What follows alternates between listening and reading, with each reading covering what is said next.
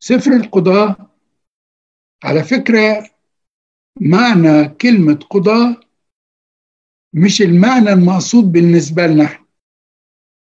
إنما قاضي مقصود بيها في العبرية شوفطيم مقصود بيها قائد أو رئيس.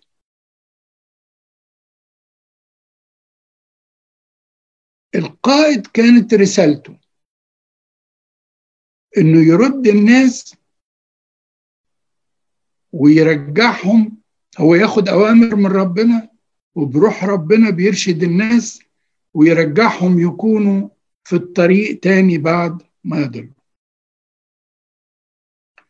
فترة هذه القضاة هي الفترة اللي بعد يشوع مباشرة واستمرت لحد قبل صمويل على طول هي لحد سفر القضاء شامل لحد شمشون لكن آه في بعد كده عالي الكاهن كان بيعتبر أحد القضاة لكن إحنا نركز لحد شمشون. الفترة دي تشمل حوالي 300 سنة. ولو إحنا جمعنا الفترات اللي مذكورة في سفر القضاء هنلاقي 410 410 سنة. لكن في بعض القضاة متداخلين مع بعض وبعضهم كانوا مش في إسرائيل كلها لكن كانوا بيغطوا فترات متداخلة مع بعض. كاتب سفر القضاء هو صمويل النبي. وعلى فكرة التقليد اليهودي بيقول كده أباء الكنيسة كلهم اتفقوا على كده. بعض الناس يعني شتوا شوية إنما فيش داعي ندخل في يعني اختلافات اللي ما تفيدش كتير روحيا. ان إحنا بنركز على الحاجات الروحية اللي في السفر. سفر القضاء بيذكر هم 12 12 قاضي. أبي مالك ما بيعتبرش قاضي وده في أصحاح تسعة وهنشوف ليه. دبورة وبراق دبورة هي القاضية إنما براق يعتبر مساعد أو يعني مساعد ليها في القيادة. هذا السفر بيعالج مشكلة النفس اللي بتسقط وتقوم. وترجع لربنا وربنا يحتملها ويقبلها. يعني هنشوف كتير قوي في هذا السفر إن شعب إسرائيل فعل الشر وساب ربنا وبعدين لما يقعوا في إيدين الأعداء والأعداء يذلوهم يصرخوا لربنا ربنا ينقذهم ويجري يساعدهم ويرسل لهم قاضي قاضي ينقذهم وينجيهم تنطبق بالضبط على هذا السفر وهدفه الشعار اللي إحنا بنقوله لأنه تعلق بي أنجي كل مرة كان شعب إسرائيل بيتعلق بربنا كان بينجيه وكان بيرفعه لأنه عارف اسمه. يدعوني أستجيب له كانوا أول ما بيصرخوا ليه. يرسل لهم المنقذ وينجيهم. الشعار منطبق تماما على سفر القضاء اللي بنعمة ربنا هندرسه. تعالوا نبتدي بنعمة ربنا. هو 21 أصحاح. آه نبتدي مع بعض كده نشوف بداية السفر إيه. لأن بداية السفر هتلاقوها ليها علاقة بآخر آية في السفر فأصحاح 21 آخر آية فيه. هنشوف.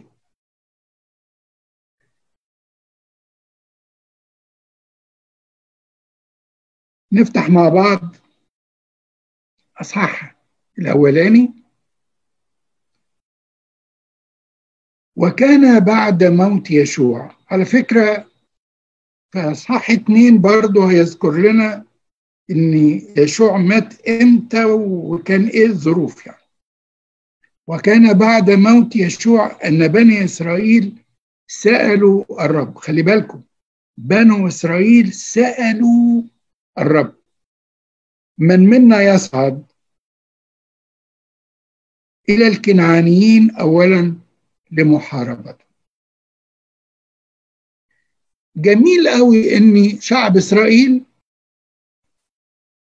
في المرحلة بتاعتهم في البداية دي لسه مشاعر أن الله معهم الله أنقذهم عبر بهم الأردن لسه برضو فاكرين العمل اللي عمله معهم ربنا لما كانوا في شبه جزيرة سيناء واللي عملوا معهم لما أخرجهم من مصر. لسه فاكرين. فلسه فيهم علاقة التعلق بالله وإنهم ما يعملوش حاجة إلا لما يسألوا ربنا. لسه مدرسة يشوع ومدرسة موسى متأثرين بيها. وده اللي بنقوله إن القدوة مطلوبة منا. مطلوب منا إن إحنا نخلي لينا قدوة. مطلوب منا إن إحنا نقول لأولادنا خد لك قدوة تتعلم منها. قدوة ممكن جدا تكون قديس من القديسين واعتبره هو النموذج بتاعي. وابص له. فشعب إسرائيل لأنهم كانوا فعلا لسه القدوة بتاعتهم موجود يشوع ومتأثرين بموسى ولسه برضو فكر إبراهيم وإسحاق ويعقوب والمعجزات وكل ده. فقلبهم لسه مليان وفكرهم لسه مليان ومتأثرين. فسلكوا السلوك الروحي. سألوا الرب. سألوا الرب لأنهم اعتبروه أنه هو القائد هو الملجأ هو القوة. فاتكلوا عليه فسألوه. هو المرشد ليهم. هو اللي هيوجههم الطريق الصح. وده لو إحنا علمنا اولادنا وعلمنا حبايبنا إني ما تعملش حاجة قبل ما تسأل ربنا. خليك دايما عينك عليه تسأله وهو الذي يستطيع أن يرشد ويوجه. فلما تسألوا ربنا مين اللي يطلع يحارب الكنعانيين فقال الرب يهوذا يصعد هو ذا قد دفعت الأرض ليده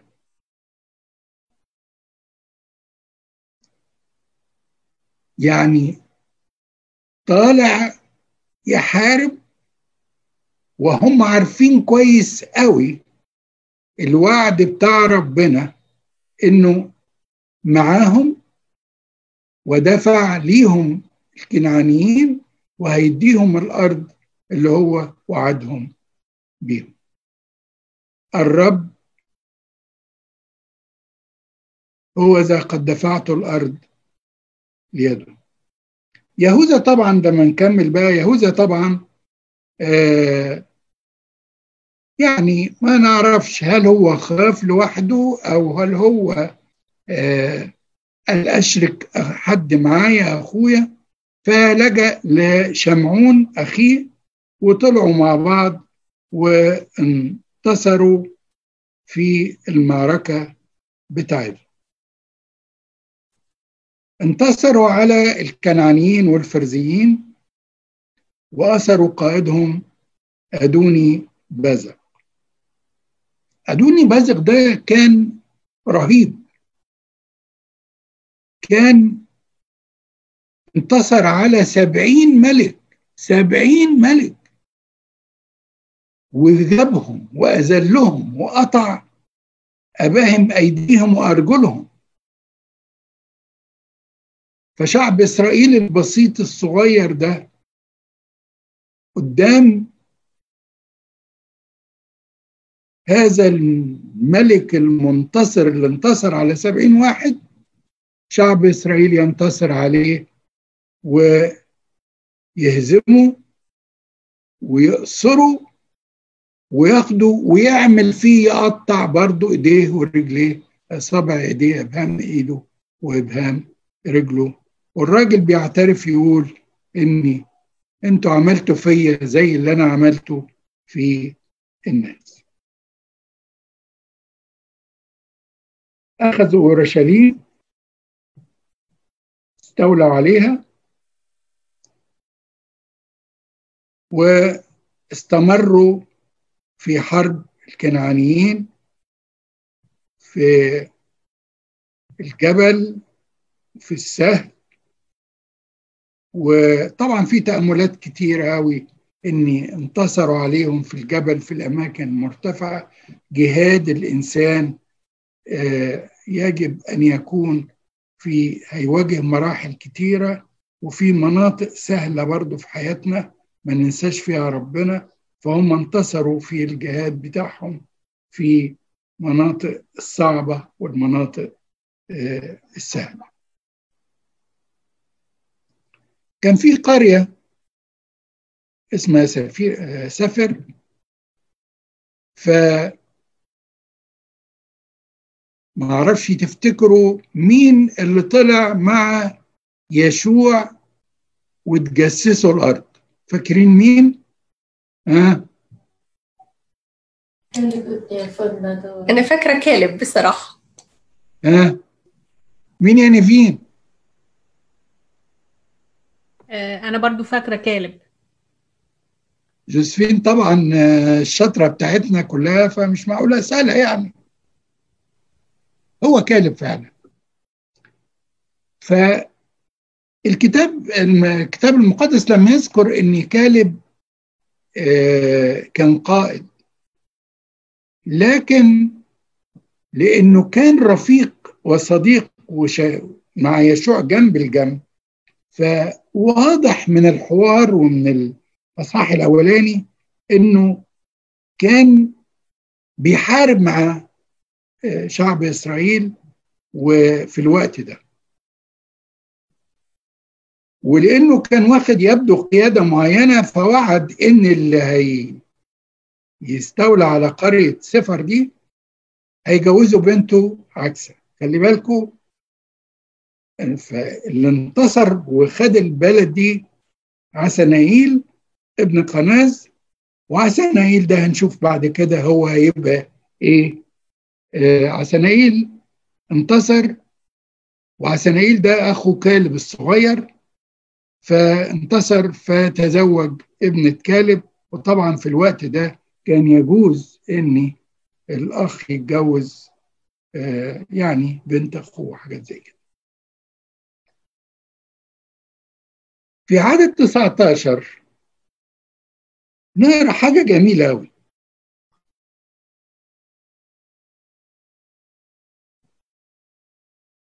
نقرأ مع بعض كده. وكان الرب مع يهوذا فملك الجبل. الله.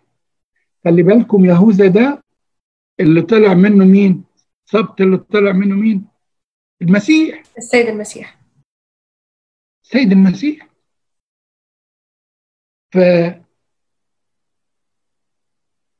ربنا اختار يهوذا إن هو يبقى البداية وكان الرب مع يهوذا فملك الجبل. الجبل يعني المكان الصعب المنطقة الصعبة اللي هو فعلا الجبل بيرمز إلى الصعوبات اللي بيواجهها الإنسان والجبل اللي فعلا السيد المسيح زاحه من أمامنا إحنا علشان فعلا ندخل إلى أرض الموعد. فالآية دي جميلة وكان الرب مع يهوذا فملك الجبل. لكن للأسف بصوا كده لبيت الآية لكن لم يطرد سكان الوادي لأن لهم مركبات حديد. عجيب قوي عجيب قوي يعني الرب معك. وتخاف من مركبات حديد. وتخاف من الناس دول. أحيانا كتيرة قوي ربنا بيعمل معانا ونشوف إيده ونشوف قوته ونشوف عمله. وفجأة فجأة نلاقي نفسنا بندور على البشر ومساعدة البشر. ونخاف من الناس. ليه؟ أن الذين معنا أكثر من الذين علينا. وإن كان الله معنا فمن علينا. ده ده بيقول لك وكان الرب مع يهوذا. ده أنت ربنا اختارك إنك أنت تبقى في القيادة وفي المقدمة. يا ريتنا عيوننا تكون على ربنا دايما. مهما كان اللي قدامنا وكان العالم وكان الناس اللي بيحاربونا لكن ما دام الله معنا فلا يستطيع أحد أن يقترب منا. ونرجع للآية اللي بنقولها والشعار بتاعنا لأنه تعلق بي ونجيه. أرفعه لأنه عرف اسمي نبص كده إني يهوذا في عدد 19 لم يطرد سكان الوادي لأنهم مركبات حديد. الكنعانيين. وتكملوا بقى. في عدد 21 وما بعده ان أسباط إسرائيل لم يطردوا السكان الأرض الموجودين. عدد 21 وبنو بنيامين لم يطرد اليبوسيين سكان أورشليم. فسكن اليبوسيين مع بني بنيامين في أورشليم إلى هذا اليوم. وصعد بيت يوسف أيضا إلى بيت إيل والرب معهم. واستكشف بيت بيت يوسف عن بيت إيل وكان اسم المدينة قبل لوز فرأى المراقبون رجالا رجلا خارجا من المدينة وقالوا له أرنا مدخل المدينة فنعمل معك معروفا. إلخ إلخ المهم يقول إيه؟ ولم يطرد منسى أهل بيت شان إبراهيم لم يطرد الكنعانيين. زبولون لم يطرد الكنعانيين. أشير لم يطرد الكنعانيين. نفتالي لم يطرد الكنعانيين. إيه اللي حصل؟ ده أنتوا ربنا قال لكم لو نرجع لسفر العدد أصحاح 33 عدد 52 في سفر عدد. ربنا بيقول لهم بيقول لموسى إيه؟ فتطردون كل سكان الأرض من أمامكم وتمحون جميع تصاويرهم وتبيدون كل أصنامهم المسبوكة وتخربون جميع مرتفعاتهم. في نفس الأصحاح في عدد 55 وإن لم تطردوا سكان الأرض من أمامكم يكون الذين تستبقون منهم أشواكا في أعينكم ومناخس في جوانبكم ويضايقونكم على الأرض التي أنتم ساكنون فيها. افتكروا الآيتين دول وبنعمة ربنا وإحنا ده ماشيين. شوفوا لما هم سابوا إن كنعانيين واليابوسيين وبيت شام إيه اللي حصل؟ تعالوا بص كده لاصحاح اتنين.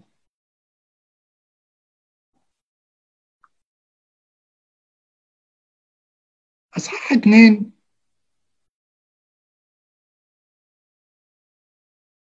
نقرا الآية واحد. وصعد ملاك الرب من الجلجال إلى بوكيم وقال قد أصعدتكم من مصر وأتيت بكم إلى الأرض التي أقسمت لآبائكم وقلت لا أنكس عهدي معكم إلى الأبد. في عدد اثنين وأنتم فلا تقطعوا عهدا. وأنتم فلا تقطعوا عهدا مع سكان هذه الأرض. اهدموا مذابحهم. شوفوا الآية الخطيرة بقى اللي جاية. ولم تسمعوا لصوتي. فماذا عملتم؟ أنتوا عملتوا اللي في مزاجكم. خلاص. شوفوا اللي هيجرى لكم إيه بقى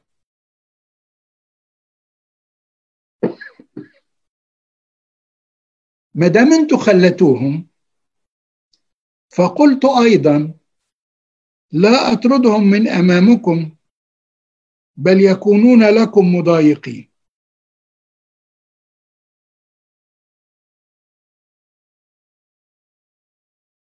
وتكون آلهتهم لكم شركا.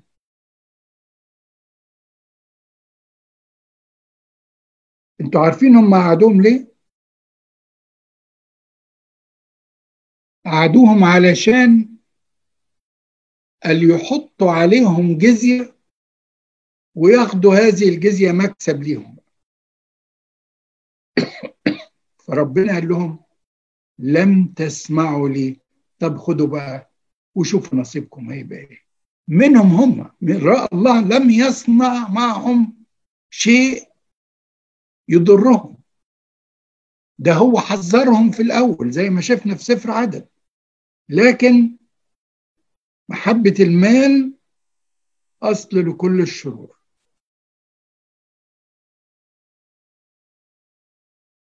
وكان لما تكلم ملاك الرب بهذا الكلام إلى جميع بني إسرائيل أن الشعب رفعوا صوتهم وبكوا.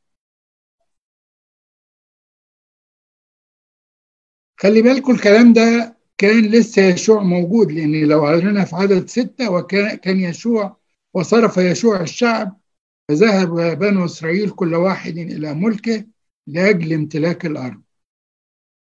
يعني سابوا الكنعانيين والناس دول معاهم ولسه كان يشوع موجود اللي عاش مئة سنة في عدد ثمانية ومات يشوع ابن نون عبد الرب ابن ما وعشر ابن ما وعشر سنين.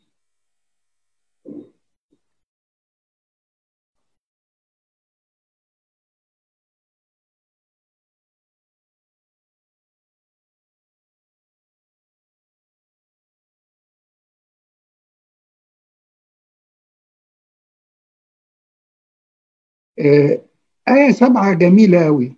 لو نرجع ليها وعبد الشعب الرب كل أيام يشوع وكل أيام الشيوخ الذين طالت أيامهم بعد يشوع الذين رأوا كل عمل الرب العظيم الذي عمل لإسرائيل. الآية دي مدرسة لينا. الآباء قدوة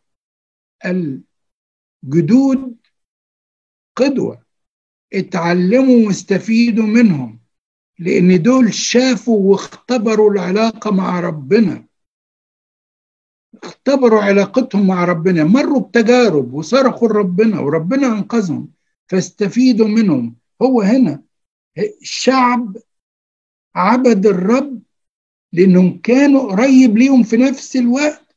الناس الشيوخ اللي ايامهم ربنا طول في عمرهم وعاشوا وشافوا معجزات ربنا وعمل ربنا. طبيعي كانوا بيحكوا لأولادهم ولأحفادهم كم صنع الرب بهم. هو ده اللي إحنا يعني كل أب وأم يحافظوا على هذا التراث إنهم يحكوا لأولادهم اختباراتهم وكم صنع الرب معهم من معجزات وتمجد معاهم وكتير كتير قوي ربنا بيعمل معانا. في عدد عشرة هنشوف بقى الانحدار اللي ابتدى في شعب إسرائيل. بيقول إيه؟ وكل ذلك الجيل أيضا انضم إلى آبائه حتى الناس الكبار والناس اللي عصروا وقام بعدهم جيل آخر لم يعرف الرب ولا العمل الذي عمل لإسرائيل. جيل طلع جديد مفيش تعليم مفيش تسليم صح فخلاص. مش فاكرين العمل اللي عمله ربنا معاهم. لما تمجد معاهم في مصر وتمجد معاهم في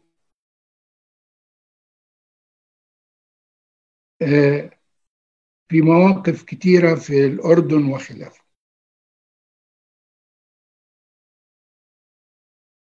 في عدد 11 وفعل بنو إسرائيل الشر في عيني الرب وعبدوا البعلي.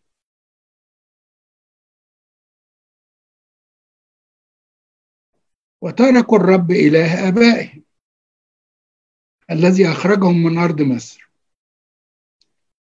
وغازوا الرب.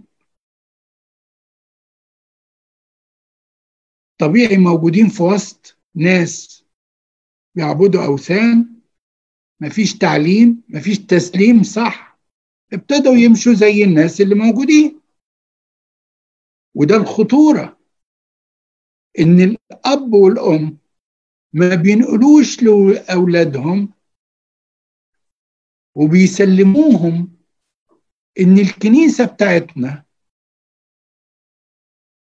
ياما احتملت من آلام عشان تحافظ على التراث بتاعها وتحافظ على المجد اللي ربنا أعطاه لينا وتعلم أولادهم إن لنا كنز موجود إحنا بندور عليه وهنوصل له لكن العالم ده ليس لنا هنا مدينة باقية إنما نسعى إلى العتيدة الأبدية. نلاقي إن ربنا طبعا تأثر جدا من تصرفهم وأسلمهم إلى خلاص أنتم موجودين في وسط الناس الأشرار وبتعبدوا وبتأتوا زيهم خلاص. فسابهم ربنا لأهوائهم ولمزاجهم ولا ولما ابتدى الأشرار يتملكوا عليهم فضاق بهم الأمر جدا. يقول في عدد 16 وأقام الرب قضاة فخلصوهم من يد نائبيهم. الآية دي على فكرة هي ملخص أو عنوان للسفر كله. وقام الرب قضاة فخلصوهم من يد ناهبيهم لما نكمل بقى ولقضاتهم أيضا لم يسمعوا. بل زنوا وراء آلهة أخرى وسجدوا لها. حادوا سريعا عن الطريقة التي صاروا بها سار بها آبائهم. لسمع وصايا الرب لم يفعلوا هكذا. وحينما أقام الرب لهم قضاة كان الرب مع القاضي. وخلصهم من يد أعدائهم كل أيام القاضي لأن الرب ندم من أجل أنينهم بسبب مضايقيهم وزاحمهم وعند موت القاضي كانوا يرجعون ويفسدون أكثر من آبائهم بالذهاب وراء آلهة أخرى ليعبدوا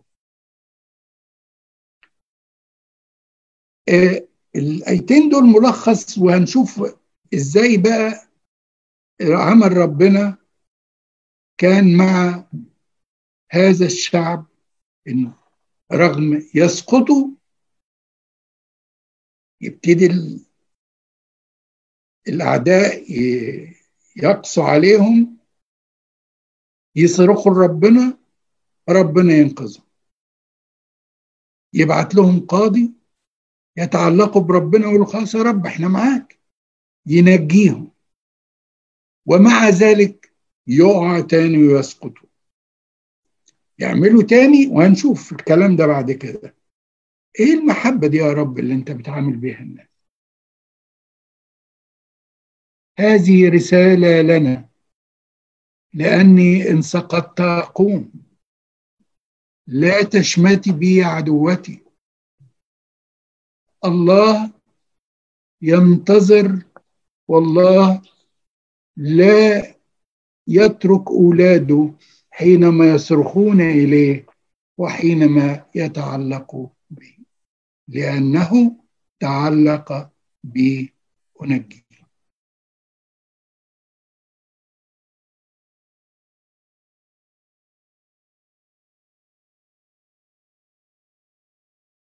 تعالوا نروح لأصحاح ثلاثة بسرعة كده نشوف الحاجة الجميلة اللي موجودة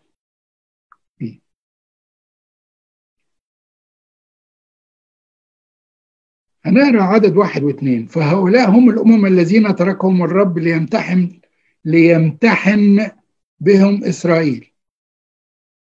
كل الذين لم يعرفوا جميع حروب كنعان.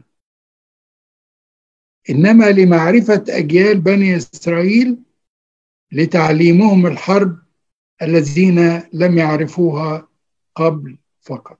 خلي بالكم لما قرينا اصح واحد ان شعب إسرائيل الأسباط سابوا الناس الكنعانيين واليابوسيين وي وي وي دول موجودين. ربنا قال لهم في سفر عدد ونبه عليهم يبيدوهم ويزيلوا كل أثرهم. هم سابوهم. ومع ذلك ومع ذلك شوفوا ربنا حتى الخطأ اللي إحنا بنعمله ربنا بيحوله الخير. لينا. فبيقول إيه؟ إن ربنا خلاص إنتوا سبتوهم؟ طيب خلاص. سيبوهم علشان أولادكم اللي ما حاربوش قبل كده يتعلموا الحرب ويتدربوا بقى. إنما لمعرفة اجيال بني إسرائيل لتعليمهم الحرب. الله أحيانا بيسيب حتى حاجة إحنا بنعملها بإرادتنا. خطأ لكن هو بيحولها بعد كده لصالح و على لصالح حياتنا ويتمجد معانا ويجعل من هذه حتى السقطة بتاعتنا اللي إحنا عملناها هو بيحولها لخير. لأن كل الأشياء تعمل معا للخير الذين يحبون الله. الله يسمح بأنه يترك ناس يضايقونا؟ ممكن. يسمح بتجربة؟ ممكن. بولس الرسول بيقول أعطيت شوكة في الجسد. ليه؟ عشان لا أرتقي فوق ما ينبغي. فالله سمح بإني الكنعانيين واليابوسيين يبقوا موجودين علشان يعلم هذا الجيل ان يحاربوا إزاي ويبقى مهارة في الحرب. رغم إن الهدف بتاعهم ما كانش كده هم كانوا عايزينهم من أجل الجزيرة. وبعدين أخطأ شعب إسرائيل في عيني الرب تاني. طب ماشي. وقاموا عليهم الفلسطينيين. ف أقام الله لهم قاضيا. مين بقى؟ أول قاضي ذكروا الكتاب المقدس يقول وصرخ بنو إسرائيل إلى الرب فأقام الرب مخلصا لبني إسرائيل فخلصهم عثنائيل ابن قناز أخ كالب الأصغر. اللي هو اتجوز مين؟ أه؟ بنت كالب. بنت كالب عكسه. بالظبط كده عكس برافو ما انت ما أنا ما أنا عارف ان انت مذاكره. بنت كالب. فكان عليها روح الرب وانتصر وحكم شعب إسرائيل قضى ليهم أربعين سنة. بعد عثنائيل القاضي الثاني اللي هو أهود ابن جيرة البنيامين. يقول في عدد 12 وعاد بنو إسرائيل يعملون الشر في عيني الرب. فشدد الرب عجلون ملك مواب على إسرائيل لأنهم عملوا الشر في عيني الرب. يقول إيه؟ وصرخ بنو إسرائيل إلى الرب.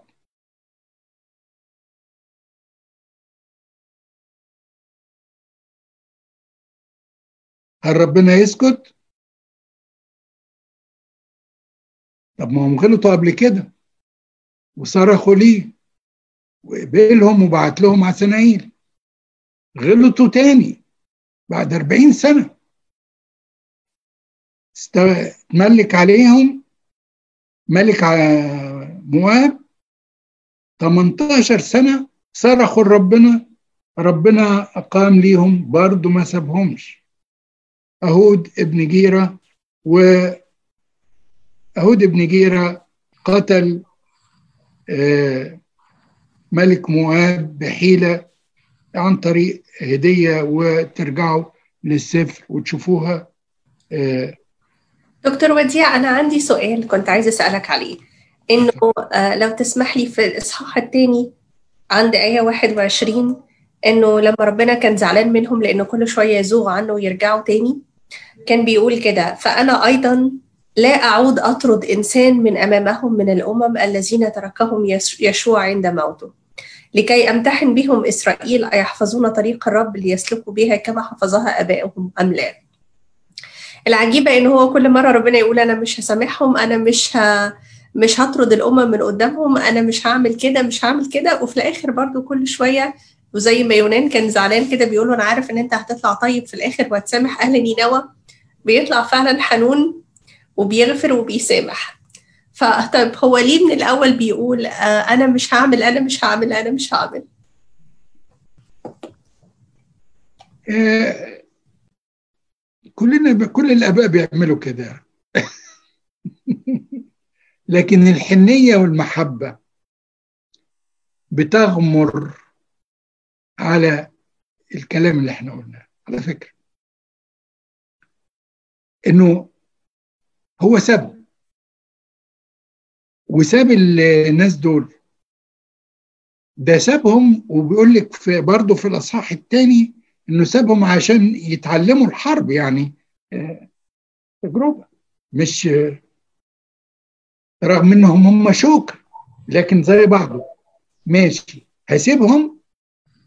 بس عيني معاكم برضه. مش هسيبكم أنتوا. يعني أفهم من كده إننا نفضل نتمسك بالآية بتاعت حولي عينيك عني لأنهما قد غلبتاني ولو الواحد مهما بعد ومهما وقع يفضل يروح قدام ربنا ويبكي ويتكلم ويقول له يا رب سامحني يفضل ده أول ما بيصرخوا ليه أو بيئنوا هو بيحن عليهم. يعني لما نشوف في أيام جدعون آه، سمع أنينهم. في مصر سمع أنينهم. إيه يا رب الحب ده ده دول عملوا عمايل وحشة جدا. دول اتجوزوا من ناس تانيين وعملوا زنا وي وي وي. إيه المحبة دي يا رب؟ الله مراحمه كبيرة جدا ومحبته غير محدودة غير محدودة. بس هو بيقول تعلق بيه. ده السر. تعلق بيه. لأنه تعلق بي. أنجيه أنا مش هسيبك. بس تعال. وكل يعني بيقول إيه؟ وكل الذين قبلوه أعطاهم أن يصيروا أبناء الله. اللي قبلوا خلاص. اللي بيجيله ما بيطردوش أبدا. ما بيسيبوش. فاتح ذراعيه عشان كده الجميل في أحد التأملات إن السيد المسيح وهو على الصليب على الصليب فاتح ذراعيه فاتح إيديه الاثنين أحضانه للكل. فتعالوا. تعالوا إلي. تعالوا إلي. أنا مستنيكم.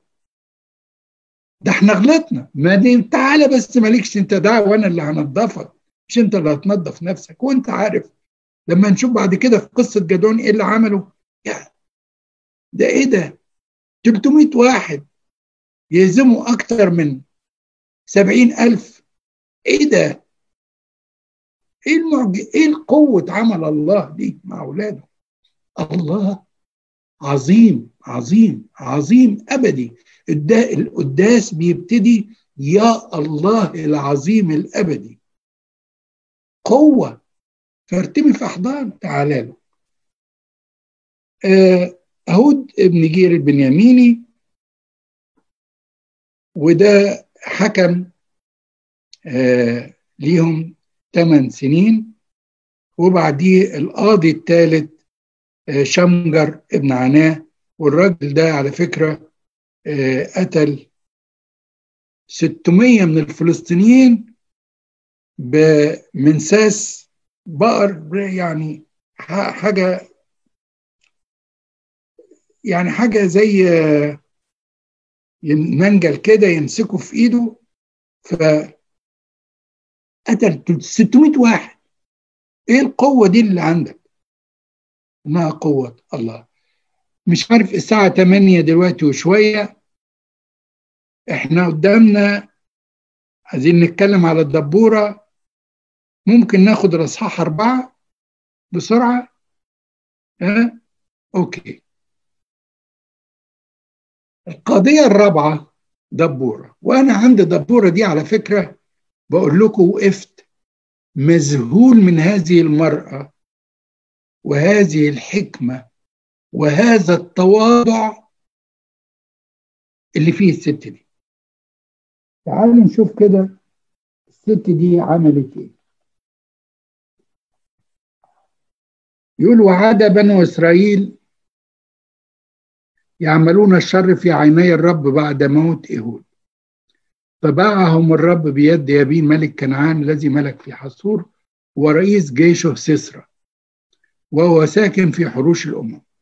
فصرخ بنو إسرائيل إلى الرب لأن كان له تسعمائة مركبة من حديد وهو ضايق بني إسرائيل بشدة عشرين سنة.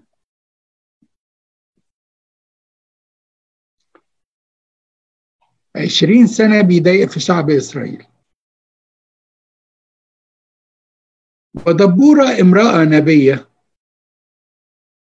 زوجة لفيدود. هي قاضية إسرائيل في ذلك الوقت. خلي بالكم إنها زوجة لفيدود. فيدود لم يذكر عنه أي شيء إلا إنه هو جوزها عمل إيه؟ مفيش. لكن هنشوف بعد كده من تصرفاتها هي. تعرفوا إن هذا الرجل كان رجل محترم جدا يقدر زوجته ويحترمها ويعطيها الكرامة ويعطيها يعني ال ال ال الحماية وما يضايقهاش ما يعكننش عليها هي ناجحة مش غيران منها. ويقول الست زي هي غيران هي يعني أحسن مني هي قاضية. ده هي قاضية ونبية. ونبية. يعني إنسانة الله بيرسل روحه عليها وتتنبأ. وده على فكرة بيبين لنا أن الله يكرم المرأة. المرأة لها دور يا جماعة في الكنيسة. المرأة لي مش ركن جانبي. ولها مركز قيادة موجود. ما عدا الكهنوت. ما عدا الكهنوت. لكن ليها مركز؟ آه ليها. والكنيسة تقدرها. والكتاب المقدس يقدرها. دبورة هنشوف بعد كده. كم كانت امرأة قاضية ونبية وحق وقائدة حكيم. قائد حكيم. كانت بتطلع تقعد تحت النخلة. طبعا ما كانش في مباني بقى محاكم ولا بتاع ولا مكان تقعد كانت تقعد تحت النخلة والناس يجوها بالمشاكل بتاعتهم وتحكم لهم وتديهم. وكان بنو إسرائيل يصعدون إليها للقضاء.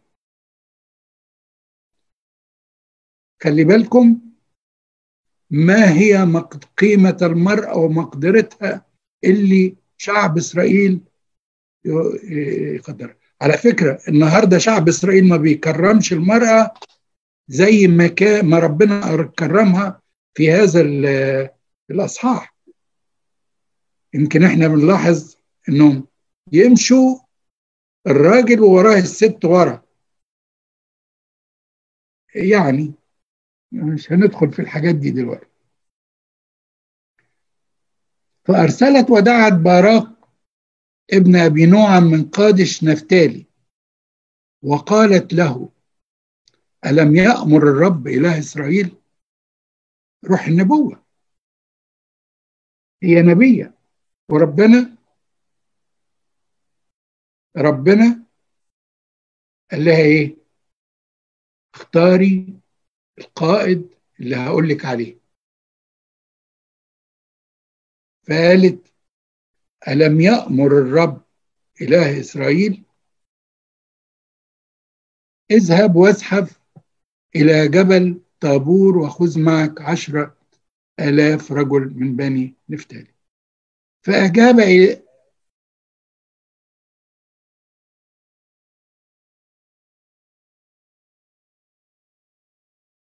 فقال لها براق إن ذهبت معي أذهب وإن لم تذهبي معي فلا أذهب. الراجل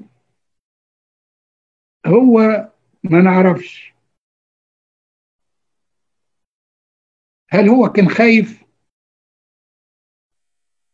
طيب ده هي قالت له ربنا اختار وقال لك روح المعركة اللي أنا اللي أنا هوجهك ليها وأنا هكون معاك. وإن ربنا هيدفع لينا ملك كنعان وجيش ورئيس جيشه سسرى فقال لها لا لازم تيجي معي هل هو تكريم ليها؟ ولا هو كان خايف؟ على أي حال هي برضو كقائد حكيم قالت له أنا هاجي معاك بس خلي بالك. تعالوا نشوف قالت له كده إيه؟ قالت له فقالت إني أذهب معك غير أنه لا يكون لك فخر في الطريق التي أنت سائر فيها. لأن الرب يبيع سسرة بيد امرأة. سسرة اللي هو قائد الجيش بتاع ملك كنعان وده كان قوي جدا. فقالت له أنا هاجي معاك بس خلي بالك المجد مش هيروح لك أنت كقائد ده هيروح لامرأة. يمكن بعض الناس يفتكروا من أول قراءة كده إن المرأة دي هي بتقول له بيد امرأة يعني على إنها هي كانت معاه.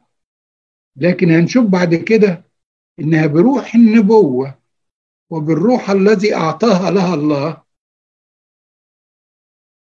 المرأة دي واحدة ست تانية خالص بطلة شجاعة. الكتاب المقدس في الأصحاح ده بيبين دور المرأة القوية الشجاعة المحبة لله والمحبة لعمل الله.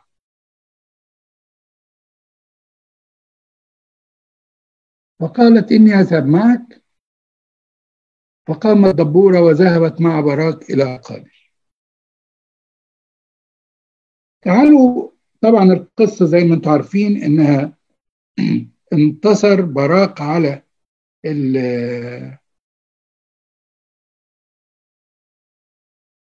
على السسرة وابتدى يتبعه و في عدد 14 دبورة قالت لبراك بتشجعه. شوف التشجيع القائد بيشجع إزاي. بتقول له إيه؟ في عدد 14 قم لأن هذا هو اليوم الذي دفع فيه الرب سسرة ليدك ألم يخرج الرب قدامك؟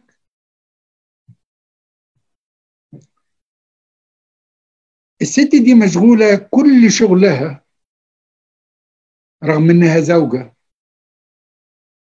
وأم زي ما نشوف بعد كده في التسبيحة بتاعتها إن شاء الله الأسبوع الجاي نتأمل فيها. إنها بتقول أم إنها أم مش أم في بيت بس دي أم لشعب إسرائيل كله. فكانت إنسانة حكيمة جدا. هي كقائد بتشغل الآخرين بروح المحبة. ولما بتشغل اللي قدامها بتحطه في ايدين ربنا. يعني لما نادت باراك قالت له قوم ده ربنا هو اللي هي عايزك روح اشتغل. هي قائدة حكيمة. مش بتقول له أنا بدي لك أمر. أنا مش أنا عندي ده أنا نبية ده أنا قاضية. روح. لا لا لا. فين روح المحبة؟ روح الحكمة.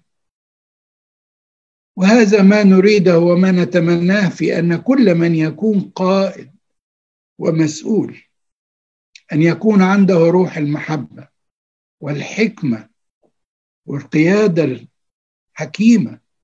مش السيطرة والسطو وأنا قلت وأنا مشي أنا أمري كده. ولما طلعت معاه وبتقول لا ده أنا لا. مقدماه وهنشوف بعد كده إنها في التس في التسبيحة بتاعتها والترنيمة بتاعتها مكتوبة إيه؟ دبورة وبراق مش نفسها. بتقدم حتى الناس اللي شغالين معاها. القائد الحكيم كده اللي ربنا ائتمنه. عنده روح تواضع عنده روح محبة. الله ائتمنه على هذه النفوس اللي هم تحت